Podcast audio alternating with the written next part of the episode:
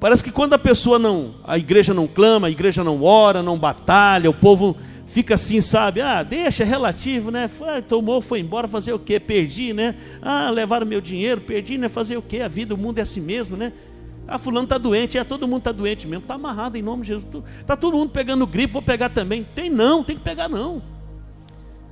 Ah, fulano de tal está passando mal, eu também está amarrado em nome de Jesus. Tem pessoas nós precisamos quebrar esse sentimento de, de derrota, é um espírito de é, pessoas com a, com a visão derrotista. Parece que tudo tem que puxar para baixo, tem que perder. Tem que perder, não, meu filho. Você tá, quem, você serve a quem? Quem é o seu Deus?